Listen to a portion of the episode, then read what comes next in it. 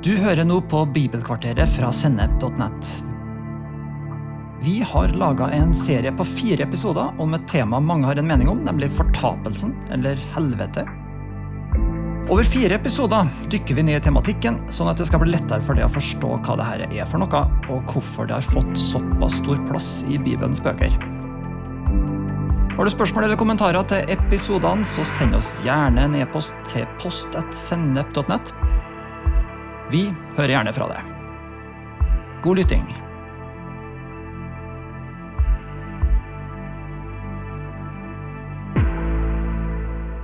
Del 1. Startpunktet. Tror du virkelig at jeg havner i helvete når jeg dør? Det spørsmålet fikk jeg mot meg av en medsoldat når jeg var i militæret, da han fant ut at jeg var en kristen som ba og leste i Bibelen. Denne situasjonen har brent seg fast i minnet mitt for alltid. Både fordi det var ubehagelig, og fordi jeg ikke visste hvordan jeg skulle komme ut av denne samtalen uten å tape ansikt. Og Veldig mange kristne syns spørsmålet om helvete er vanskelig. Inntrykket mitt er at det snakkes lite om det i mange kristne miljøer i Norge, og jeg har heller ikke særlig lyst til å snakke om det, for å være ærlig. Jeg vet at Mange har blitt skremt av sterke skildringer om helvete, og jeg syns det er et ubehagelig tema å snakke om sjøl òg. Samtidig så er det et tema det snakkes veldig mye om i Bibelen, og faktisk enda mer i Det nye testamentet enn i det gamle. Det visste du kanskje ikke. Det er faktisk Jesus som er aller mest ivrig på å advare mot helvete, eller fortapelse. Han snakker oftere om det enn Gammeltestamentets forfattere og apostlene i Det nye testamentet, og det står så mye om det at det er vanskelig å avvise det som uviktig eller irrelevant, uten å samtidig avvise de mer populære sannhetene i Bibelen om frelse, nåde og oppstandelse. Høsten 2020 så fikk jeg anledning til å sette av en del tid på å studere dette emnet på egen hånd. Jeg leste en del teologi, avhandlinger med ulike syn, og prøvde å forstå mer av dette med fortapelse og alle de vanskelige spørsmålene ved det. Så nå har jeg bestemt meg for å lage en serie om det her på Sennep. Jeg vil prøve å forklare hvordan det er mulig å tro på det Bibelen sier om to utganger på livet, om evig fortapelse, og hvordan jeg vil svare på noen av de vanskelige spørsmålene folk vi møter, har om dette. her. Og så vil jeg prøve å være ærlig med de spørsmålene hvor ikke vi har fullgode svar, og der jeg sjøl fremdeles ikke er i stand til å forstå det. Jeg vil også kommentere det her med annihilasjonisme, som er et syn på endetida en økende del konservative kristne i Norge omfavner, samt berøre universalisme kort.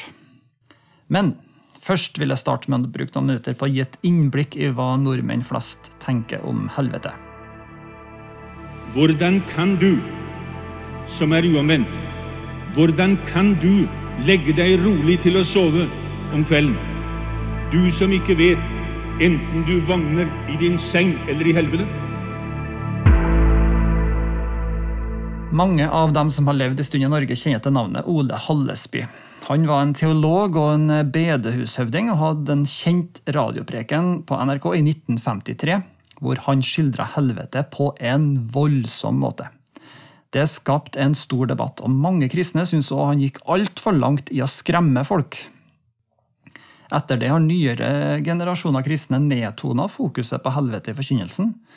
De såkalte svovelpredikantene fra gamle dager er så å si borte fra bedehusene og frikirkene. Januar 2020 skrev Vårt Land om en KIFO-undersøkelse fra 2019 om nordmenns syn på livet etter døden.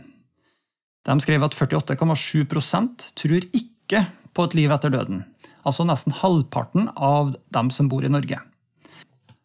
Og den gruppa har vokst ganske mye de siste årene. Færre og færre tror på et liv etter døden. De fleste nordmenn er mer opptatt av livet før døden. Denne undersøkelsen viste at 41,7% i Norge tror på et liv etter døden, men blant dem svarer mange at de er usikre på hva de skal tenke og tro om livet etterpå. Kanskje fordi det snakkes lite om det i kristne miljøer, jeg vet ikke. Et fåtall av dem svarer at de enten tror på frelse eller fortapelse. Noen svarer reinkarnasjon, noen svarer universalisme, som betyr at alle blir frelst uansett om de tror eller ikke.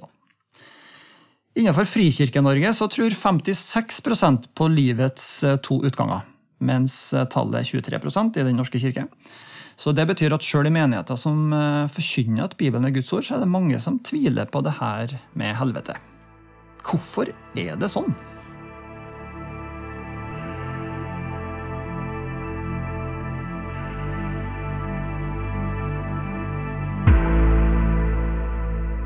Jeg har innimellom hørt eh, undervisning om evig fortapelse gjennom årene. Mitt inntrykk er at de som underviser, er klar og tydelig på det Guds ord sier, og satser godt inn i bibelversene som sier noe om det. Men det jeg kanskje har savna, er å snakke om sammenhengen eller konteksten som bibelversene eh, står i. Bibelen er jo skrevet for 2000-3000 år siden, i en annen kultur, annet språk osv. Og bibeltekstene har jo blitt det i en bestemt kulturell kontekst, hvor avsender og mottaker var ganske lik eh, kulturelt og språklig sett. Og her sitter vi altså 2000 år etterpå og skal prøve å forstå tekstene. Så dersom vi løsriver bibeltekstene fra sammenhengen som opprinnelig ga dem mening, og gjorde dem til et frigjørende budskap for dem som hørte det, så står kristendommen i fare for å framstå som utdatert, meningsløs og i verste fall menneskefiendtlig. Sånn er det òg med det Bibelen sier om fortapelse. Jeg tror det Bibelen sier, er sant. Jeg tror Bibelen sier relevant og frigjørende, også i vår tid. Men vi må gjøre jobben med å leve oss inn i bibelteksten, la den jobbe i oss, sånn at vi kan forstå hvorfor det her var så viktig for Jesus, både den gang og i vår tid. Så I denne serien så er jeg på jakt etter å forstå det her, sånn at det Bibelen sier om fortapelse, er noen ting som vi kan stå for, med frimodighet, og at ikke vi trenger å grue oss for at folk skal spørre oss om det her.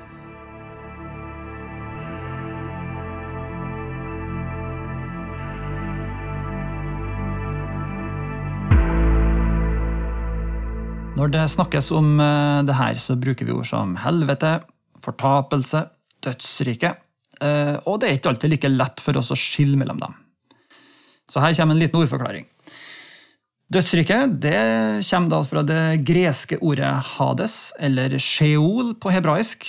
Og um, I Bibelen så forstås det som et slags ja, foreløpig oppholdssted, både for rettferdige og urettferdige. Og det er det som brukes oftest i Det gamle testamentet. Så det er altså ikke helvete, da, for å si det sånn. Helvete det kommer fra det hebraiske ordet gehenna. Det er et begrep Jesus brukte en del, spesielt i Matteusevangeliet. Og det er et bilde Jesus bruker for å beskrive den endelige dommen. Og når folk hørte det Jesus sa, så gikk tankene deres eh, til et søppelbrenningssted utenfor Jerusalem, i Ben Hinnomdalen, som også ble kalt for Gehenna. Og så har vi et tredje begrep, og det er fortapelse. Og det er det begrepet jeg vanligvis vil bruke. På gresk så er det ordet apoleia. Eh, på hebraisk så er det ordet abaddon. Og det er et veldig vanskelig ord, og det er fordi det har så fryktelig mange nyanser i seg. Og det gjør at det oversettes til mange forskjellige ord i norske bibler. Det kan bl.a. bety å tape, å miste, å gjøre ende på, gå til grunne eller å ødelegge. Og vi skal komme tilbake til det her med fortapelse etter hvert i serien. Jeg nevnte tidligere at det her med kontekst er viktig. Og hva er den mest utbredte ideen folk flest har av helvete? Jo, det er jo på en måte karikering av en slags mytisk underverden full av mørke, ild og røyk, hvor Satan er å forstå som en slags avdelingsleder. Og mange har laga både useriøse og seriøse framstillinger av det her gjennom årene innen kunst og kulturlivet. Helvete forstås jo som den totale motsatsen til å havne i himmelen, hvor Gud og englene befinner seg i en slags ensformig tilværelse på skyene, og at eh, etter livet på jorda så sendes sjelen til en av de her sfærene Eh, slik at eh, verden ender opp med å være tredelt. Himmel, helvete og livet på jorda. Men stemmer egentlig denne forestillinga med det som står i Bibelen? En som mener noen ting om det her, det er den anerkjente britiske teologen og forfatteren N.T. Wright. Han kritiserer forestillinga av helvete både innen protestantisk og katolsk kristendom. N.T. Wright sitt poeng er at forestillinga om himmel og helvete, hvor den udødelige sjelen vår enten sendes oppover eller nedover, den er mer inspirert av Platon sin filosofi, og ikke fra Det nye testamentet. Wright hevder at forestillinga ble utbredt og alminneliggjort gjennom katolisismens Europa og kjente kunstnere i middelalderen som Michelangelo, Hieronymus Bosch og Dantes verk som heter Den guddommelige komedie.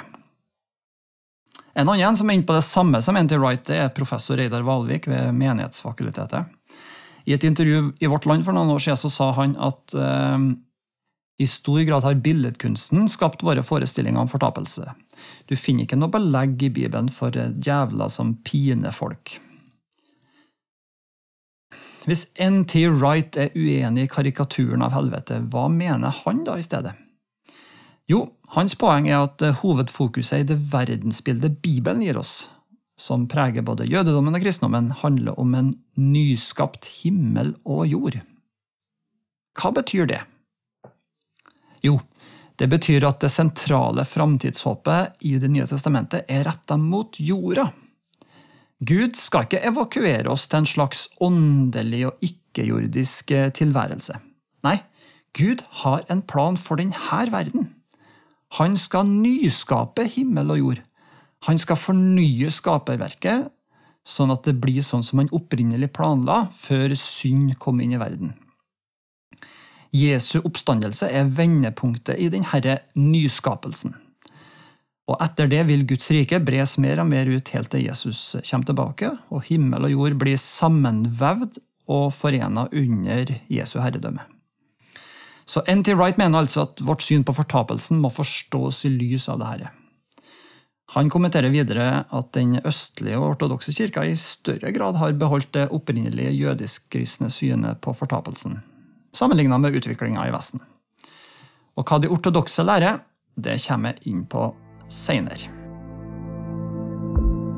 Du har hørt en episode fra Bibelkvarteret på sennep.nett. Du vil også finne mer stoff på sennep.nett som gir deg inspirasjon til å følge Jesus i hverdagen. Innholdet på Sennep er gratis og tilgjengelig for alle, takket være økonomisk støtte fra kristent nettverk, menigheter og enkeltpersoner. Du kan også hjelpe oss ved å be for oss at vi skal forkynne ordet med frimodighet. Ved å dele innholdet vårt med venner og bekjente. Ved å rate podkastene våre på iTunes eller i podkastappen som du bruker. Eller ved å gi en engangsgave på VIPS, VIPS nummer 546668.